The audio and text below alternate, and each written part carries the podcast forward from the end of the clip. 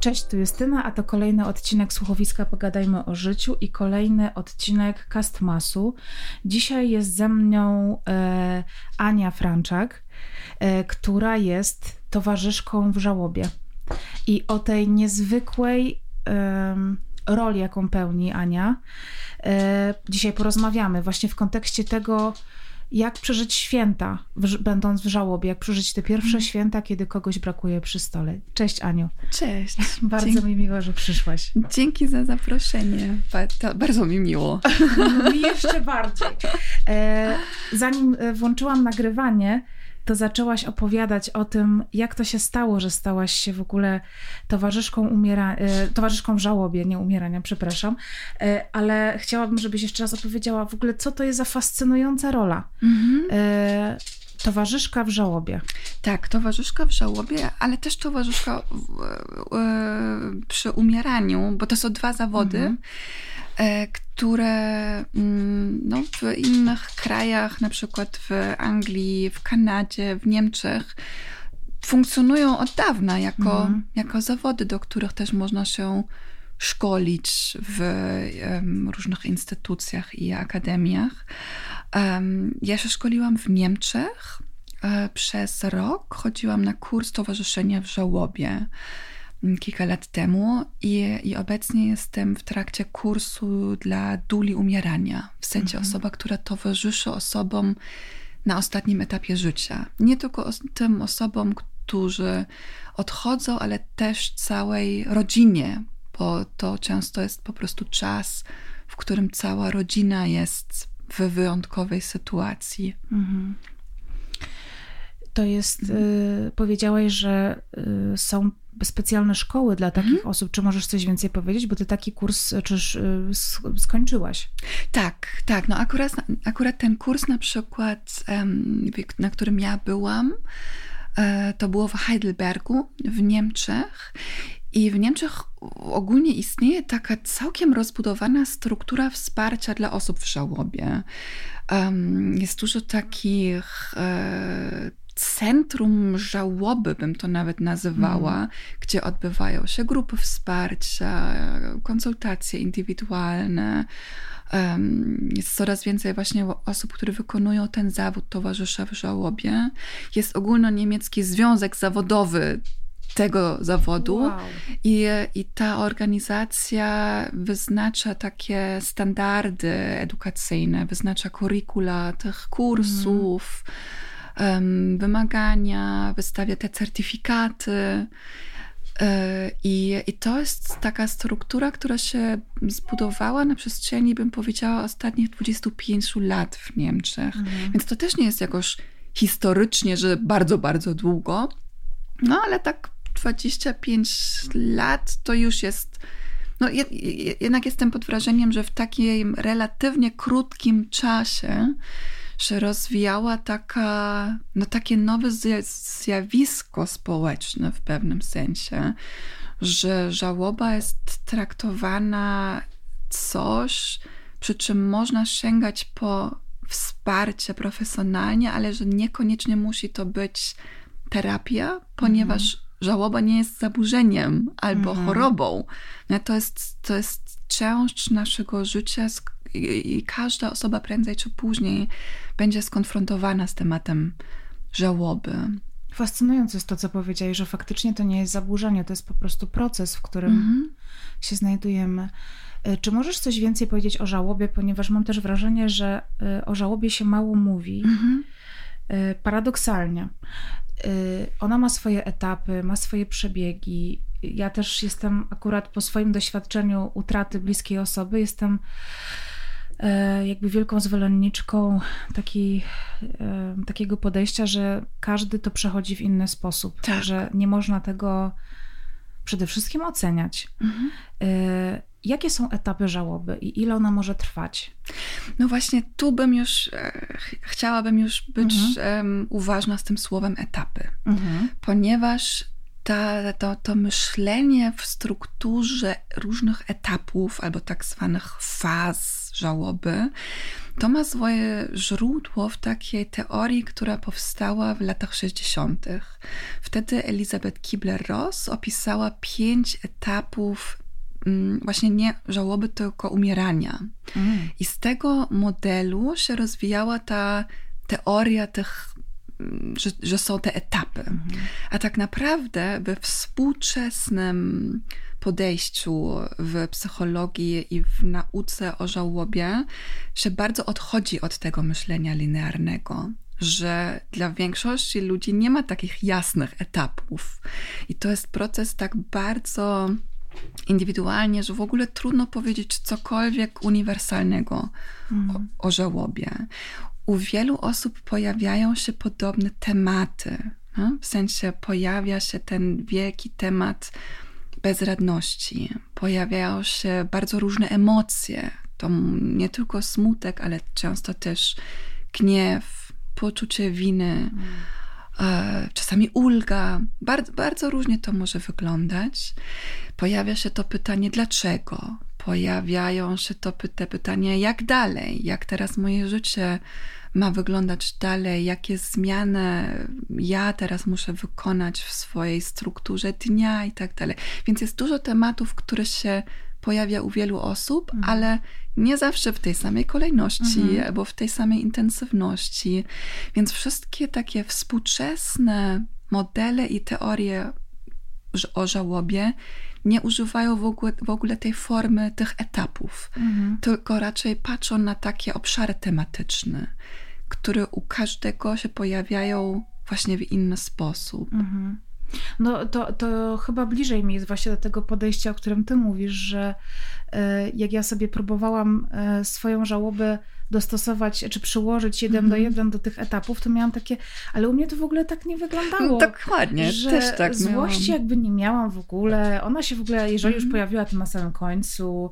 I takie, poza tym nie wiem, czy do końca jakby przeżyłam wszystkie z etapów. Nawet miałam mm -hmm. takie e, poczucie, że jestem nie do końca jeszcze e, właśnie zdrowa, e, może nie psychicznie, ale emocjonalnie, ponieważ nie przeszłam wszystkich etapów. Tak jakby traktowałam to w ten sposób, że to trzeba wszystko przejść. No i to jest właśnie mhm. strasznie, że, że um, jeśli te teorie są przekazywane w taki sposób normatywny, mhm. to może mieć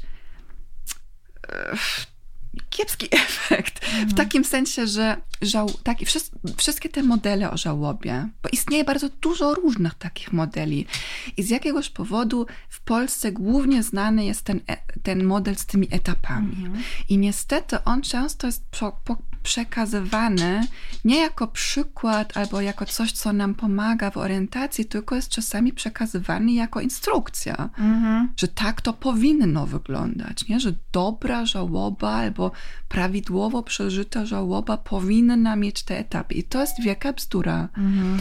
Więc wszystkie te um, modele, one mogą nam służyć, ale właśnie jako coś, do czego my możemy się odnieść. odnieść i zobaczyć, aha, okej, okay, ten naukowiec albo ta autorka sugeruje taką propozycję.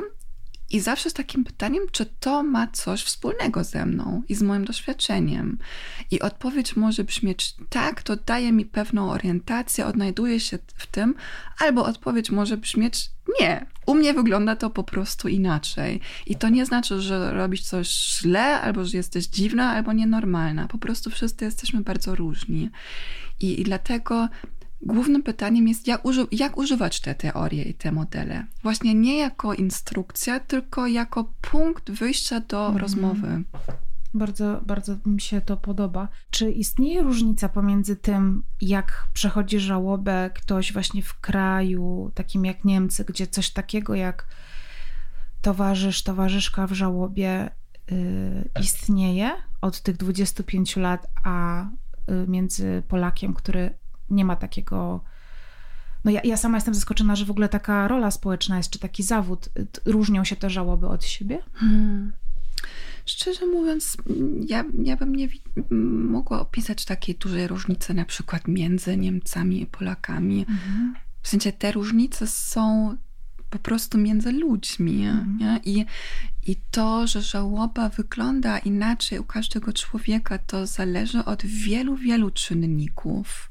To zależy od e, naszego charakteru, od tym, w którym momencie w życiu jesteśmy, od naszego wieku, od naszego sposobu um, poradzenia sobie ze stresem. To zależy od naszego kulturowego kontekstu, od tego, jak się w naszej rodzinie rozmawia o emocjach, czy mamy pozwolenie na wyrażanie emocji, czy nie. Więc jest, jest po prostu tysiące różnych -hmm. czynników, które mają wpływ na to, jak wygląda żałoba. Um, I właśnie dlatego tak trudno jest powiedzieć coś tak bardzo ogólnego. -hmm. Albo, albo to pytanie, co pomaga w żałobie. Nie ma takiej, takiej jednoznacznej mhm. odpowiedzi, bo to, co pomaga mi, nie wiem, czy, ja to, czy to pomaga tobie. Mhm. Każdemu pomagają inne rzeczy, więc to jest na przykład jeden temat, o których ja rozmawiam z ludźmi, bo ja nie wiem, co tej konkretnej osobie jest potrzebne. I to jest taka podstawa tak naprawdę mojej pracy, mhm że jedynym ekspertem w tej sytuacji, e, nazwijmy to konsultacji, współpracy, jedynym ekspertem jest ta osoba w żałobie. Nie? Pomimo, że ja um, czytałam bardzo dużo książek, przechodziłam przez wykształcenie w tym zakresie, to ja o tej osobie konkretnej mm. nic nie wiem. Nie? Mm. Jedyna osoba, która wie, co jej może pomóc, to jest ona i ja jestem, jestem właśnie trochę taką dulą, mhm. która, która pomaga jej znaleźć odpowiedzi na te swoje pytania. Jak wygląda takie towarzyszenie w żałobie? Przychodzi do ciebie, przychodzę do ciebie ja mhm. i co się dalej dzieje? Przychodzisz do mnie ty, w tej chwili pewnie by to wyglądało tak, wyglądało tak że się spotykamy online, mhm. bo w tej chwili prawie wszystko się u mnie dzieje online. I e, to jest przede wszystkim rozmowa, w sensie, w której e, ja, ja chętnie się, po, e, ja chętnie poznaję Twoją historię. Trochę przez Ciebie bym spróbowała poznać tą osobę, która zmarła, jaką macie relację. Razem byśmy patrzyli na to, jak w ogóle ta żałoba wygląda u Ciebie, w jaki sposób ją odczuwałaś do tej pory, jak ona się zmieniła w trakcie czasie, czasu, jakie są potrzeby, które w tej chwili może masz. Bardzo, bardzo różnie. I często ludzie mają po prostu potrzebę o tym taką, żeby, żeby mówić o tej osobie i z jakiegoś powodu obecnie w naszej kulturze jest taki problem z tym, mhm. bo często ludzie po prostu unikają takich rozmów. Pomyślą, oj, ja nie, nie poruszam tego tematu, bo będzie tej drugiej osobie przykro, nie chcę jej przypomnieć o tym. Um, i, mhm. I tak naprawdę to, co często osoby w żałobie pragną, to jest opowiadanie i dzielenie się wspomnieniami. Tylko, że przy tym często pojawiają się emocje, nie? Mogą się pojawić łzy, i, e, no i wtedy większość ludzi niestety w pewien sposób, sposób trochę, trochę panikuje mm. w takim sensie, o Boże, ta osoba płacze, co ja teraz mam zrobić? Czy ja muszę ją teraz uspokoić? I um, tak z tej, właśnie z tej niepewności, jak obcować z emocjami, z takiej bezradności, często wynika po prostu milczenie i unikanie tematu. I to jest tak naprawdę jedyny błąd, który możemy popełnić. W sensie udawać, że tego tematu nie ma, bo on po prostu jest. I wtedy Twoja rola polega w jakiś sposób na ośmielaniu właśnie rozmów? Um, różnie. Myślę, mhm. że taki wracający temat we wszystkich tych rozmowach to jest często to pytanie, jak możemy tej osobie, która zmarła, dać jakieś dobre miejsce w naszym życiu właśnie nie jak możemy w pewnym sensie zapomnieć albo zamykać ten rozdział i pójść dalej, bo kiedyś myślano, że o to chodzi w żałobie, że trzeba jakąś pójść dalej i w pewnym sensie zamykać przeszłość, ale um, dzisiaj wiemy, że, że tak naprawdę chodzi przede wszystkim dla wielu osób o to, w jaki sposób mogą uhonorować tą osobę, w jaki sposób mogą wyrażać, um, że o niej pamiętają, że nadal kochają, w sensie, że ta osoba nadal jest ważna, że cały ten takie, to co intuicyjnie czujemy, że ta osoba zmarła, ale nadal w jakiś sposób jest ważną częścią mojego życia, mojej mm. historii, mojej biografii.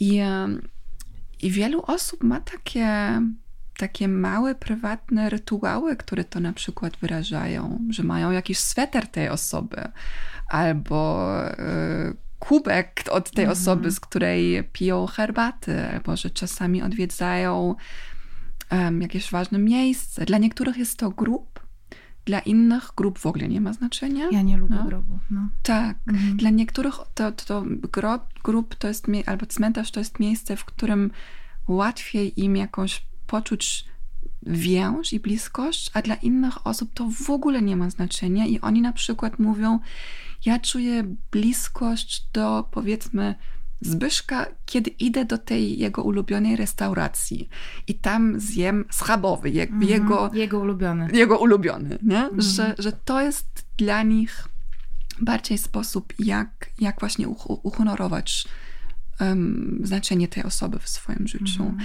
I czasami w tych rozmowach, które prowadzę, prowadzę z ludźmi, chodzi właśnie o to, w jaki sposób możesz dać tej osobie jakieś symboliczne miejsce w Twoim życiu. Mhm. To teraz um, idą święta mhm. za dwa i pół tygodnia chyba już. Chyba, no, za dwa i pół tygodnia. Nie, za dwa tygodnie chyba będą święta, tak? Za 14 dni, bo dzisiaj jest dziewiąty. No, to za no. 15 dni są święta. Tak. E, I na pewno będą rodziny, dla których e, to będą pierwsze święta bez kogoś. Mhm. Mm, czy jest coś, co byś takim osobom mm, poradziła, co mogą zrobić, żeby. Bo domyślam się, czy mówię o swoim doświadczeniu, ale domyślam się, że jednak to jest dość uniwersalne, że jest duży lęk przed takimi mhm. świętami. Poza tym, czy wypada je urządzać, czy wypada mhm. w ogóle się gromadzić, spędzać ten czas w jakiś sposób. Jak byś poradziła takim osobom, żeby te święta były no, dla nich łagodne, hmm. niezbyt bolesne, czy nie aż tak bolesne, hmm. jak najmniej bolesne? No. Tak. Mhm. Chyba przede wszystkim bym spróbowała zdjąć presję, nie? Mm. w sensie, bo jeśli, jeśli mamy to oczekiwanie, że musimy to osiągnąć, żeby te święta były łagodne i niebolesne, to nie jest możliwe, jeśli właśnie zmarła bardzo bliska nam osoba. To, be, to te, te święta będą trudne. Mhm. W ogóle święta i takie dni jak rocznica śmierci, urodziny, to dla osób w żałobie to są często takie wyjątkowe, takie dodatkowe, trudne dni, które i właśnie tu ludzie mają różne, mm, może nazwijmy to strategie i, i nie mogę doradzać, co jest najlepiej, bo to, co dla mnie jest dobre, nie do końca mhm. dla innej osoby musi być dobre, nie? Więc jedni mają bardziej taki, taki kierunek, o trzeba to po prostu przetrwać, nie? może e, nawet jakoś odwrócić uwagę, a, i inni mają podejście, że trzeba coś um, symbolicznego zrobić dla pamięci tej osoby, nie? żeby żeby przy stole wigilijnym albo przynajmniej w mieszkaniu na przykład była świeczka dla tej osoby, albo żeby odwiedzać grób, jeśli to jest ważne mhm. miejsce.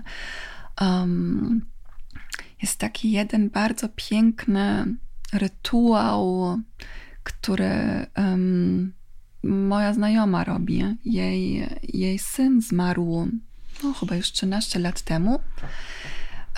I kiedy oni udekorują choinkę, kiedy wtedy ta cała choinka już jest e, gotowa i, i, i, piękna, to oni wycinają z tej choinki gałąź, taką udekorowaną, i przenoszą tą całą gałąź na cmentarz. Idą z całą rodziną tam i kładą ją na, na grobie.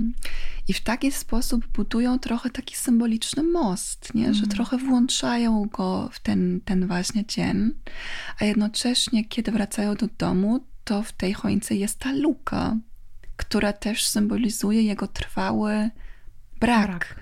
Więc oni nie spróbują w jakiś sposób udawać, że tego braku nie ma, tylko honorują właśnie tą osobę i, i, i jej brak.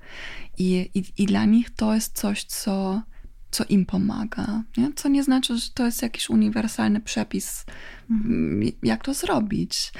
Um, ale właśnie to, że, żeby stworzyć jakieś symboliczne miejsce dla tej osoby, to dla wielu osób jest coś, co jest takim źródłem trochę ciepła. Nie? Że znam też osobę, która stworzyła taką um, taka, taka, taka drewniana gwiazdka, która też wisi na choince, jako jedna z ozdób, ozdób. Mhm. E, I na tej gwiazdce jest napisane imię jej brata, który zmarł. Nie? Że, że on ma po prostu swoją gwiazdkę, która, która wisi tam na, na jednej z gałęzi. Mhm. Um, oczywiście to nie sprawia, że będzie lekko i że nie będzie smutku. Myślę, że takie, taka jedyna, może taka ogólna porada, chociaż w ogóle napra naprawdę nie lubię dawać mhm. porad, um, ale coś, co uważam za, um, za wspierające, jest takie, żeby spróbować wyjść z takiego myślenia czarno-białego, że coś jest albo tylko pięknie, albo tylko straszne i smutne. Mm. Bo nawet jeśli to będzie bardzo smutny dzień, to nawet mogą się pojawić chwile wzruszenia, lekkości, może chwile radości, uśmiechu. I odwrotnie, kiedy, kiedy dominujące jest poczucie um, właśnie radości i lekkości, tam mogą się pojawić chwile smutku, e, pustki. No, w sensie to prawdopodobnie będzie mieszanka różnych uczuć i, um, i myśli, żeby się na to otworzyć, nie? Żeby, żeby spróbować wyjść z takiego myślenia, że może być tylko jedno uczucie albo jedna, jedna cecha tej atmosfery bo będzie różnie. Mhm. A czy na przykład, co sądzisz o takich pomysłach, bo wiem, że sporo osób, czy może nie, nie, nie chcę tam e, mówić, czy to jest sporo, czy mało, ale spotkałam się z kilkoma takimi osobami, które na przykład postanawiają, że nie będą obchodziły świąt, albo nie będą mhm. w, w tym roku. Wiesz, w Polsce jest takie przyzwyczajenie do żałoby, że się nie robi nic, co miałoby sprawiać radość, że nie wypada. Nie wypada e, późnej imprezy, zorganizować wesela, urodzin, bo, jest, mm. bo ktoś jest w żałobie. Czy y, Twoim zdaniem to jest dobry sposób? Nie, ja myślę, że mm. wszystkie te zdania, w których powin, po, pojawia się to słowo powinno, mm. albo nie powinno, albo nie powinno, właśnie nie są dobre, bo one narzucają nam, jak mamy coś przeżywać i jak mamy coś wyrażać. I to właśnie nie honoruje, że jesteśmy wszyscy różni. I, i dla niektórych osób to, żeby na przykład odwrócić swoją uwagę przez chodzenie na przykład na imprezę. No, okay, teraz to akurat trudne mhm. w, w czasie pandemii, albo, albo żeby um, no właśnie, takie odwrócenie uwagi, to, że w ogóle to potrafimy, to jest w pewnym sensie dar. No, oczywiście, jeśli tylko odwracamy uwagi od tych trudnych spraw, to też nie jest dobre, ale jeśli też cały czas siedzimy na 100% w naszym bólu, to też nie jest dobre. W ogóle większość tych współczesnych modeli żałoby opisuje ten proces jako takie, takie wahadło taką huśtawkę, mm-hmm. że są takie momenty i takie momenty, że są te czasy, te godziny, te minuty albo te dni, kiedy bardzo głęboko wchodzimy w ten ból. I są też te czasy, kiedy musimy odpocząć od tego bólu. I to robimy w różne sposoby. Dla, dla niektórych to znaczy, że się spotykają właśnie z przyjaciółmi, dla innych to znaczy, że robią binge-watching e, na Netflixie. Nie? Wszyscy mamy różne sposoby takiego chwilowego wyjścia z bólu. I to jest ważne. To nie znaczy, że, że uciekamy. Te, to jest ważne, żeby, żeby to też zobaczyć, że, um, że to jest tak naprawdę częścią tego procesu.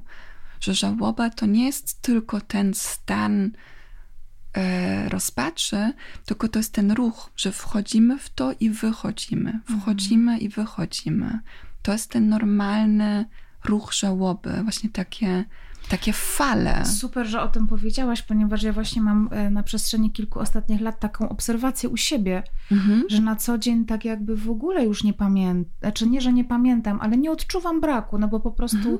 już się wszystko jakoś zasklepiło, nie wiem, e, to życie inaczej wygląda, nawet nie wyobrażam sobie teraz życia z tą osobą, która doszła, to jest mój tata, ale czasami, mhm. ojej, jak wejdę w ten smutek, to to jest właśnie takie po prostu mam nagle to poczucie.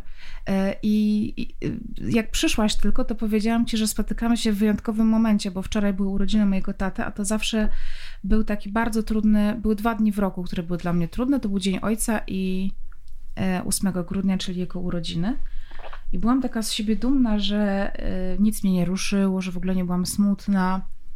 Ale teraz mi się przypomniało, że e, cztery dni wcześniej był 4 grudnia, czyli Barburka. To jest święto górników e, mhm. na Śląsku, z którego pochodzę, mój tata też. I on co prawda górnikiem nie był, ale był związany z kopalnią i dużo jego pracowników, bo miał swoją firmę, było górnikami i to święto się zawsze obchodziło. I wpadłam w ten atak tego mhm. płaczu, w tę Barburkę, bo... Mhm. E, po prostu coś mi się musiało wtedy uruchomić, bo wspominałam sobie też właśnie te jego takie imprezy barburkowe, to jak on się cieszył, bla, bla, bla. Więc pewnie wtedy to było i dlatego jestem wypłakana e, i może wczoraj się to nie pojawiło. Ale właśnie zauważyłam, że to są takie momenty. Tak, i to jest zupełnie normalne, mhm. nawet po wielu latach. Mhm. To, że, że te fale bo, bo żałoba często jest odczuwana jako takie fale emocji, Dokładnie. które nas zalewają. Mhm. Zalewają. Tak. Mhm. I na samym początku te fale po prostu są cały czas. I dlatego mamy wrażenie, że to jest taki stan stały. I z upływem czasu pojawiają się jakieś przerwy między tymi falami. Pojawiają się może, pojawia się ten moment, kiedy się pierwszy raz e, śmiejemy Większość ludzi wtedy ma wtedy wyrzuty sumienia. Jak w ogóle można, nie? Mhm. To, e, że nie, nie mam prawa teraz, żeby, żeby doświadczać mhm. brak bólu. No? Oczywiście, że masz prawo. Nie? I, e, i, i, I z upływem czasu to te fale, one to często wygląda tak, że one są coraz rzadszej, może też są mniej intensywne, niż na początku, ale mogą nadal być bardzo intensywne. Mhm. Nadal, w sensie nawet po 10, 20 czy 30 lat może się od czasu do czasu pojawić taka fala. I to jest normalne. Wszystkie te, właśnie te, tak jak w, też we współczesnej nauce w psychologii żałoby, um, dokładnie to opisuje, że to nie jest patologiczne mhm. i że na przykład takie, takie określenie, które w innych sferach um, psychologii i, i, terapii często jest takie kluczowe, właśnie to słynne domknięcie, mhm. to w kontekście żałoby nie jest adekwatne, bo można w swoim życiu mieć taki trwający proces żałoby, który od czasu do czasu się pojawia. I to nie znaczy, że coś jest nie tak, albo że to wymaga e, leczenia, albo że to jest jakiś rodzaj zaburzenia. Nie, tak po prostu wygląda żałoba. No, więc więc moim zdaniem trzeba wyjść z takiego myślenia linearnego, że mhm że jest żałoba, w pewnym momencie ona się kończy mhm. i potem znowu będziesz szczęśliwa. Nie, to się zazębia. I w takim życiu, nazwijmy to życiu w pełni, mhm. gdzie istnieje cały wachlarz doświadczeń, gdzie jest też miejsce na szczęście i lekkość, i wygłupianie się, i radość. Tam też jest miejsce na żałobę. Mhm. Można być człowiekiem, który żyje takim spełnionym życiem i być w żałobie. To się nie wyklucza nawzajem. Ale przyznam szczerze, że ja się bardzo bałam emocji y, związanych z, y, chyba z tym smutkiem bardzo dużym, bo dopiero, wiesz co, chyba dwa albo trzy lata temu byłam w stanie obejrzeć kasety, mhm. gdzie był mój tata nagrany, bo ja się tego po prostu, ale panicznie bałam. To było tak, mhm. że po prostu nie, nie, nie, absolutnie nie, nie, nie, nie, nie chcę. I to mi wcale nie przyniosło po tych, nie wiem, tam 13 czy 12 latach smutku, tylko wręcz taką, oczywiście pojawiły się jakieś wzruszenie, ale ono nie było takie ech, dojmująco um, smutne i takie bardzo przykre. E, ale chyba największe dla mnie wyzwanie to było właśnie zmierzenie się z tymi, y, y, jakby otwarcie się na ten smutek, że żyłam mm -hmm. bardzo wiele lat w wyparciu. Takim, no dobra, stało się trudno. Wiesz o co chodzi. Mm -hmm. Czy jest coś, co byś poradziła takim ludziom właśnie, którzy w ten sposób unikają tych emocji? Jest jakiś sposób, mm -hmm. żeby od nich tak no. nie uciekać? No właśnie w pewnym sensie takie, takie wyjście w jakiś, nie wiem, tryb zadaniowy albo taki tryb przetrwania, w którym nie czujemy emocji, to też jest częścią żałoby. Mm. Tak jak powiedziałam wcześniej, takie robienie różnych rzeczy, które nas e, ustabilizują, które nam po prostu pomagają przetrwać, to jest częścią tego procesu. I um, to nie znaczy, że robisz coś źle. Może robisz to po prostu w swoim tempie. Mm. Są może ludzie, którzy dopiero po kilku, nie wiem, miesiącach albo po kilku latach chcą się skonfrontować z tym i mają do tego prawo. No? Jeśli ktoś do końca życia chce um, unikać tematu, no to też ma trudno, do ma, do, ma do mhm. tego prawo. Nikogo nie można zmuszać mhm. do tego, żeby zaglądać głęboko do swojego bólu. W sensie ja oczywiście osobiście uważam, że warto, bo tam można odkrywać bardzo ciekawe też inne rzeczy. Można e, takie patrzenie na swoją historię w całości, tam można um, odkrywać rzeczy, które nawet są zaskakująco piękne. Um, ale, ale nikogo nie można zmuszać do tego. I, i jeśli ktoś. Ja regularnie mam takie sytuacje, że tak naprawdę większość ludzi, z którymi pracuję, zgłasza się po kilku miesiącach, kiedy właśnie ludzi w otoczeniu mm, oczekują, że powinno być lepiej, bo zazwyczaj ludzie w żałobie przez pierwsze tygodnie i miesiące mają jakiś rodzaj wsparcia wśród przyjaciół albo w rodzinie, ale kiedy minie powiedzmy pół roku, może rok, no to wtedy się pojawia taki rodzaj takiej niecierpliwości, takie no teraz no powoli... Może wypadałoby... Tak, mhm. weź się w garść, no ile mhm. można płakać, nie? I niestety taka, taka pozwolenie na żałobę w naszym społeczeństwie obecnie jest mocno ograniczone. Więc e, często w takich momentach ludzie e, jakoś trafiają do mnie, ale są też osoby, które na przykład kontaktują się ze mną ponieważ 15 lat temu zmarł ich brat, nie? albo 18 lat temu mama sobie odebrała życie. w sensie bardzo um, takie sytuacje, w, w, których by się powiedziało, o bardzo dużo czasu minęło, ale sam czas nie leczy rany. Mhm. Sam, no, czas po prostu mija. I to, co leczy rany, to są nasze wewnętrz, wewnętrzne procesy. I u wielu osób, albo u większości osób, te wewnętrzne procesy same sobie, same się układają, mhm. nie? ale czasami jest jakiś taki stuck point, albo jakiś temat, który jest zbyt trudny, albo um, no i wtedy warto sięgnąć po wsparcie. I to może, jeśli to dotyczy tylko temat żałoby, to może być właśnie z towarzyszką w żałobie, ale czasami to jest połączone z innymi tematami. Jeśli na przykład jest to, to połączone z tematem depresji albo z, tym, albo z traumą, mhm. no to wtedy potrzebny jest raczej kierunek terapeutyczny. No mhm. więc to też jest taki temat, że, że ja muszę tak rozpoznać w swojej pracy, gdzie się kończą na przykład moje kompetencje, bo ja pracuję po prostu z tematem żałoby. Ale jeśli się tam pojawia dodatkowo temat uzależnienia albo nadużycia w jakiejś formie, no, no to ja muszę wtedy włączyć w to osobę, która się specjalizuje w mhm. tym. Mhm. Chciałam jeszcze na moment wrócić do tego, co powiedziałaś o duli umierania. Mhm. E, chciałabym jeszcze tak chwilkę z Tobą porozmawiać o procesie odchodzenia.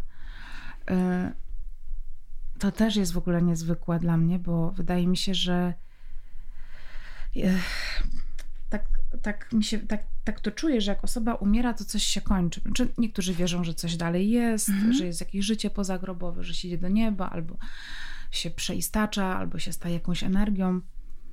E, nie o to mi chodzi. Chodzi mi o to, że jakby sama, sama śmierć jest tragedią bardziej dla tych osób, które zostają bez tej osoby, niż dla tej osoby, która odchodzi. Ale czy sama śmierć jest też.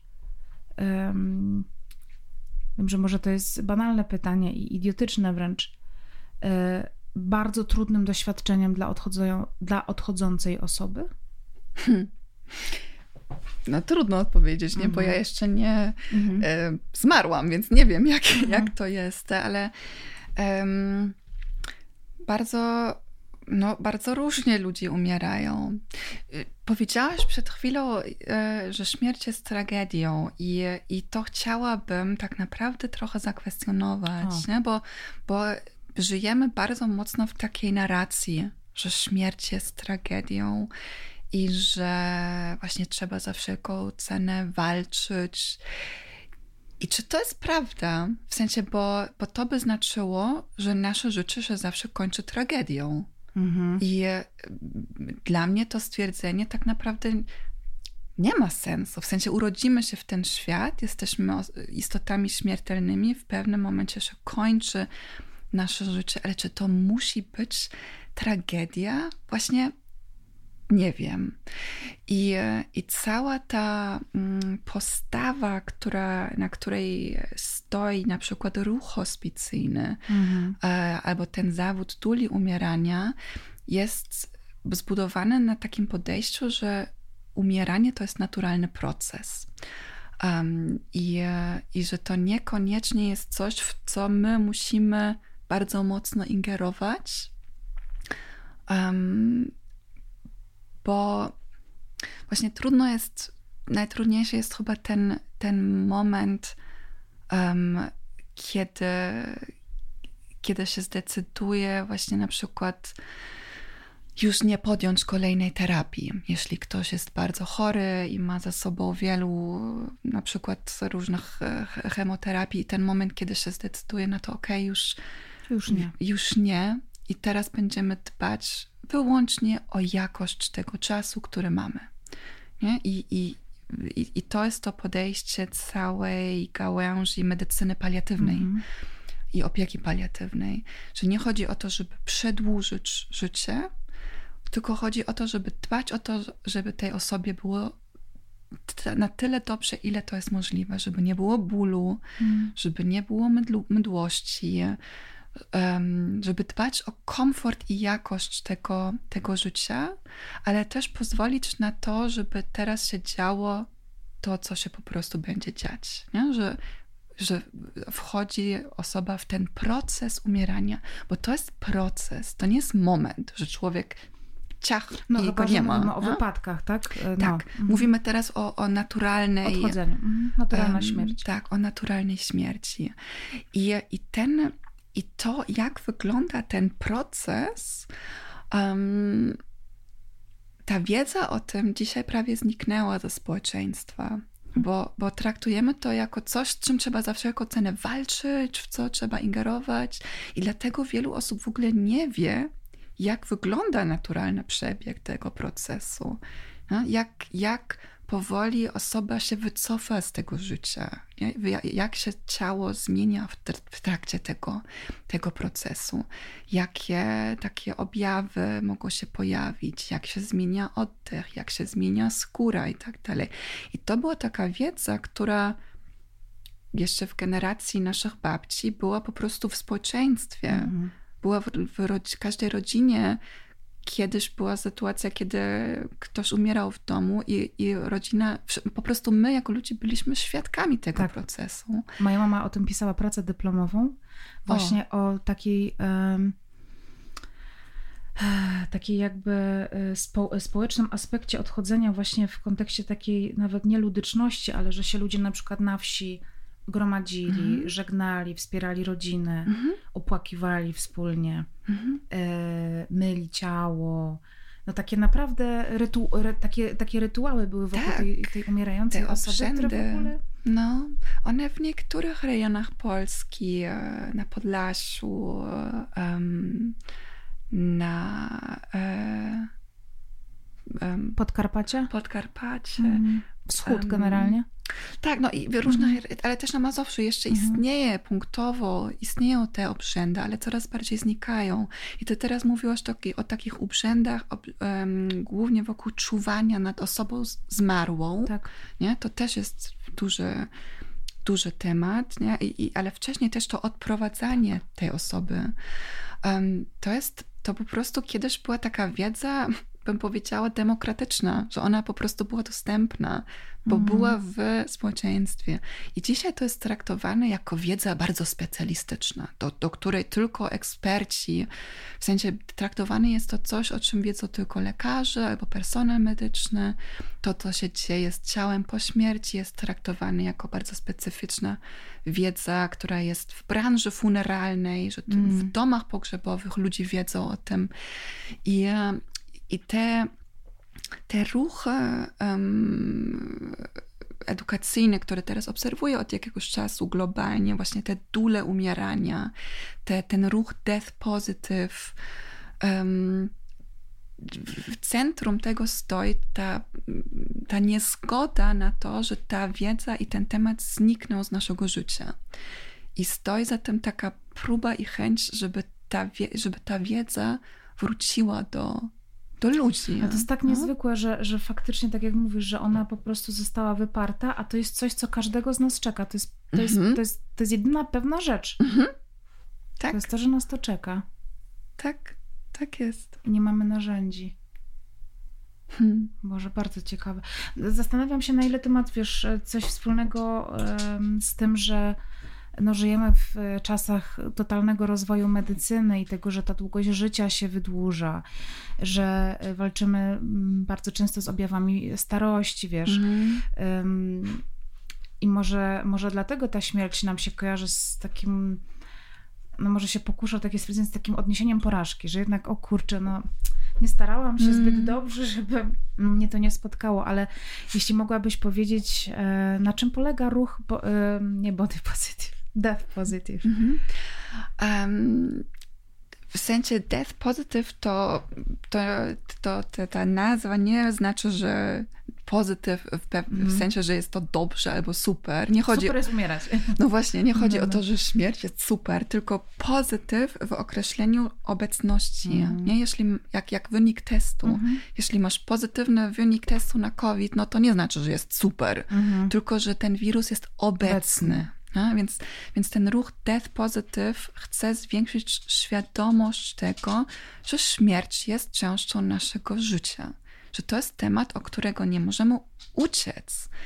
I, I że warto trochę coś wiedzieć o tym, bo każda i każdy z nas prędzej czy później będzie skonfrontowany z tym i mhm. będziemy tylko w stanie siebie nawzajem wspierać w dobry sposób, jeśli nie unikamy rozmowy o śmierci i mhm. o żałobie.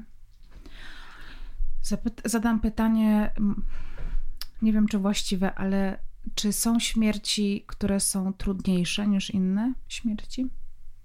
W sensie straty? Mm. Hmm. Też uważam, że, że mm, właśnie takie oceny, mhm. nie wiem, co one w ogóle dają, mhm. no, bo um, każda strata um, dotyka w pewnym sensie ten nasz egzystencjalny dylemat, że po prostu jesteśmy śmiertelni, nie? że że każda osoba, którą kochasz, kiedyś umrze. Ty też umrzesz, ja też. I, I tak na co dzień to wypieramy. No i bardzo dobrze, że potrafimy to wypierać, no, bo inaczej, inaczej by się nie tak. dało żyć. Mhm. Um, ale myślę, że od czasu do czasu warto sobie o tym przypomnieć, bo to może nam pomóc uporządkować pewne tematy w naszym życiu. Bo takie uświadamianie sobie że nasz czas tutaj na tej planecie jest ograniczony, to doprowadzi do pytania: OK, jak chcemy spędzać ten czas? Czy chcemy go spędzać w toksycznych relacjach, na przykład? Czy chcemy zbudować swoje relacje z ludźmi, gdzie jest właśnie szacunek, zaufanie? Czy chcemy siedzieć i narzekać na. Yy, warunki, e, nie wiem, w pracy i tak dalej, czy chcemy szukać innego, innej drogi. I, i oczywiście to, to, to brzmi tak trochę, nie wiem, no tak, to brzmi teraz tak łatwe, nie? Że, mm. że żyj tak, jak naprawdę chcesz żyć. Nie? Oczywiście mhm. żyjemy też w tej realności tutaj. Mhm. E... do pracy, sprzątać, zmywać. Tak. Masz problemy. Mhm. Tak. Jednak na przykład mi ta, ta świadomość mm, naszej skończoności, kiedy to naprawdę dotarło do mnie i to właśnie przez żałobę, mi to tyle zrobiło w głowie.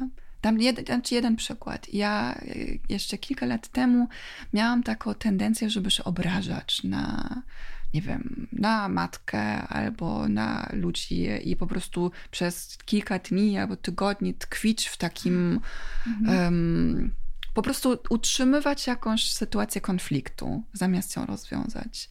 I teraz, kiedy wiem, że po prostu w każdej chwili wszystko może się stać, nie, nie wiem, czy ja dzisiaj wracając do domu nie będę miała wypadku samochodowego, mm. nie? Albo czy ktoś z moich bliskich będzie miał zawał serca, nie? Więc, więc po prostu trochę wie, bardziej mając taką świadomości kruchości tego wszystkiego, ja nie zostanę w tych sytuacji nierozwiązanych konfliktów, tylko dbam o to, żeby właśnie jak najszybciej wejść w, w dialog i no wiem, że to nie jest zawsze możliwe. Są mm. też konflikty i też sytuacje rodzinne, które po prostu nie da się rozwiązać. No, ale um, tak, tak mówię tak z mojej, mojego osobistego doświadczenia, że ta świadomość tego, że nasze życie nie będzie trwało wiecznie, że to, że to dużo dobrego wniosło do tego, jak ja dzisiaj żyję. Hmm. Ciekawe, czy przez kontrast, czy po prostu. No nie, ale mm, ostatnio jechałam taksówką i jechałam z takim panem, który miał dużą potrzebę rozmowy. I był bardzo wierzący, i właśnie y, cały czas mówił mi o tym, że dla niego, y, że on bardzo w swoim życiu cierpi, że jest w takich bardzo niekomfortowych dla siebie sytuacjach, nawet przez tę wiarę, że on tam się związał z jakąś kobietą, że nie może przez to przystępować do komunii i że jego to bardzo męczy, ale jedyne, co go napawa nadzieją, to to, że to jest tymczasowe, a potem jest to życie w mhm. raju. E, I że gdyby nie było tego życia w raju, to dla niego życie na ziemi by nie miało sensu. A ja miałam wtedy takie, ale to przecież to dlaczego, nie? Że, że przecież, bo on właśnie dziwił się osobom, które nie mają tej perspektywy życia w raju, że jaki sens ma to życie tutaj. Hmm. A ja mówię, no taki, to jaki sens ma dla pana życie tutaj, skoro pan cały czas na coś czeka? Jaki jest sens mhm. takiego życia? E, I on po prostu kompletnie nie był w stanie jakby z tego... Ale ciekawe. No. E, I takie dwie perspektywy właśnie moja, która ja też odnalazłam dużo sensu w tym, że jeżeli to jest moje jedyne życie, to po prostu będę żyć a nie czekać na coś. Zresztą dużym aspektem, mam wrażenie, takich historii trudnych związanych ze śmiercią to jest właśnie taka nadzieja na to, że się kiedyś jeszcze spotkamy. Mhm. Z jednej strony to potrafi przynieść ulgę, ale z drugiej strony może to nie do końca jest takie pogodzenie się. Nie wiem, tak po prostu rozważam sobie teraz na głos. Hmm. No na pewno nie ma jednej drogi, tak jak mówiłaś, że każdy ma prawo hmm. do. Y, ale to tylko pokazuje faktycznie, że, że nie ma tych, tej bieli i czerni, że jest wszystko pomiędzy. No. Czyli osobom, które mm, będą za paręnaście dni zasiadać do tego świątecznego stołu, gdzie będzie to puste miejsce. Mhm. Czego im możemy życzyć? Hmm. Na pewno nie takiego mm, automatycznego wesołych świąt. Nie? Bo to hmm. brzmi absurdalne takie życzenie, kiedy jesteś w takiej sytuacji, że właśnie ktoś zmarł. Um, hmm. Ja bym chyba życzyła taką, um, żeby wnieść jak najwięcej czułości w to wszystko. Żeby, żeby zmniejszyć tej presji, że, e, że powinno być inaczej, żeby um, z jednej strony uhonorować tej osoby, której już nie ma tu fizycznie, ale z drugiej strony, żeby też dbać o tych, którzy są, nie? Żeby, żeby się skupić na tych ludziach, z którymi mm. teraz jesteśmy tutaj i o które możemy, um, możemy nawzajem dbać o siebie i wspierać się i um, bo to też nie będzie wiecznie. Hmm. A jak ty się w tym wszystkim czujesz? Y, czy ciebie takie towarzyszenie w żałobie kosztuje? Czy to jest dla ciebie kosztowne energetycznie, emocjonalnie? Mm. Jak ty się w tym odnajdujesz, kiedy towarzyszysz ludziom w takich trudnych momentach? Jak ja się wtedy czuję? Ja się czuję w swoim miejscu. Mhm. Wiesz, to jest to jest może przez, dla mnie w, w ostatnich latach to yy, ja w pewnym sensie znalazłam swoją, nie wiem, misję mm, zawodową, życiową.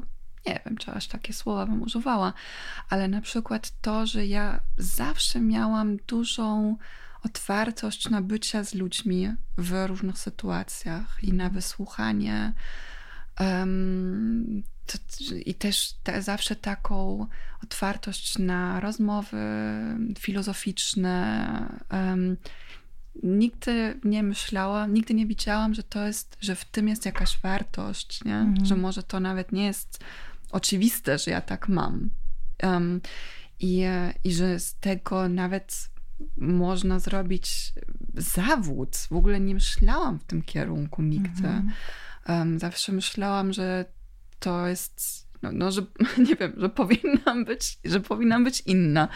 I e, teraz jakoś dopiero widzę, że, te, że, że dokładnie te cechy, które ja po prostu mam, że, że one mi służą w, w mojej pracy i ja jestem, ja dla siebie osobiście uważam, że mam najlepszą pracę na świecie. Mhm. Um, jest to, mam dużą wdzięczność za wszystkie te historie, u których, o których, e, u których mogę tak trochę uczestniczyć, bo tak naprawdę w centrum żałoby zazwyczaj jest miłość.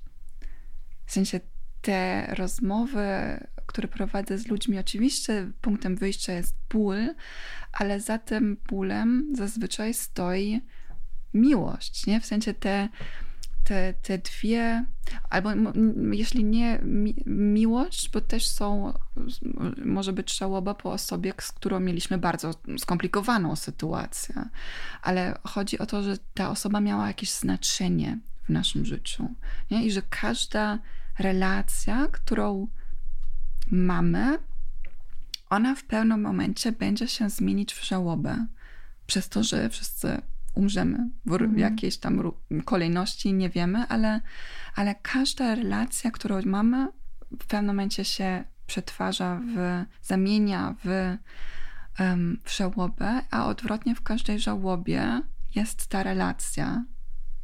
Często relacja, w której jest miłość.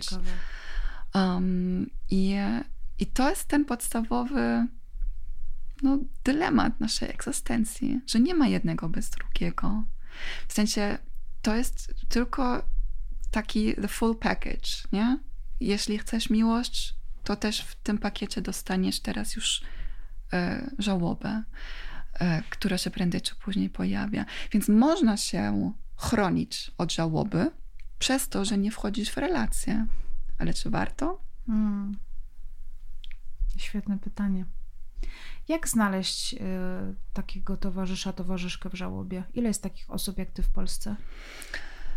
Mm, no, taka osoba, która zawodowo i pod taką nazwą, z takim rocznym y, wykształceniem i certyfikatem, chyba w tej chwili jestem jedyna. Hmm um, bo w Polsce obecnie jeszcze nie ma tych szkoleń. Ja, ja prowadzę takie krótkie, mhm. kilkutygodniowe kursy dla na przykład terapeutów albo dla pracowników domów pogrzebowych, w sensie osoby, które i tak już mają styczność z osobami w żałobie i chcą rozszerzyć swoje kompetencje w tym zakresie. To prowadzę takie szkolenia, natomiast takie jak to, w którym ja uczestniczyłam w Niemczech, nie ma tego. To jest moje wielkie marzenie, żeby to stworzyć, taką szkołę. W tej chwili jeszcze mi brakuje, nie wiem, no, w tej chwili nie jestem gotowa na to. Um, ale to nie znaczy, że ja jestem jedyną towarzyszką w żałobie w Polsce, bo w pewnym sensie my wszyscy dla siebie nawzajem jesteśmy towarzyszami w żałobie. No to, to, że w ogóle pojawił się ten zawód, w pewnym sensie jest takim dziwnym znakiem naszych czasów. Że to, że to nie jest w tej chwili jakoś takie oczywiste, że, że to jest naszym zadaniem jako wspólnota dla siebie nawzajem, żeby dbać o te tematy um, że właśnie się, że, te, że ten temat żałoby tak jest w tej sferze tabu, że istnieje takie przekonanie, że to powinno trwać maksymalnie rok i potem trzeba wziąć się w garść i być silnym, um, no to to źle świadczy o mhm. aktualnym e, stanie nas jako, jako wspólnota.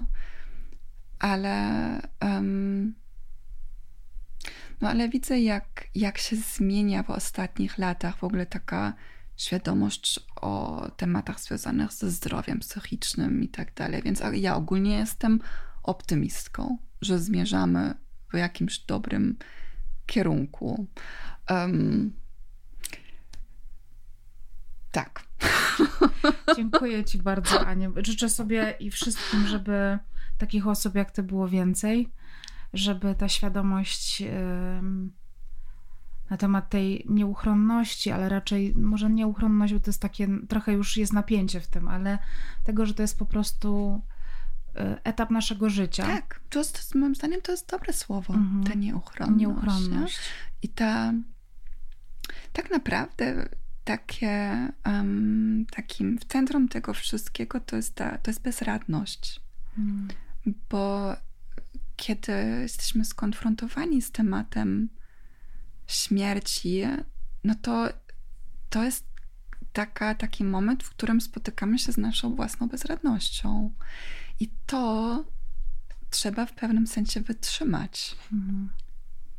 Mm, więc takie, takie zbliżenie się do tego tematu bezradności i w, w sensie doświadczenie tego razem, we wspólnocie, jako ludzi, którzy żyją w tym dziwnym świecie tutaj, to jest tak naprawdę o co chodzi.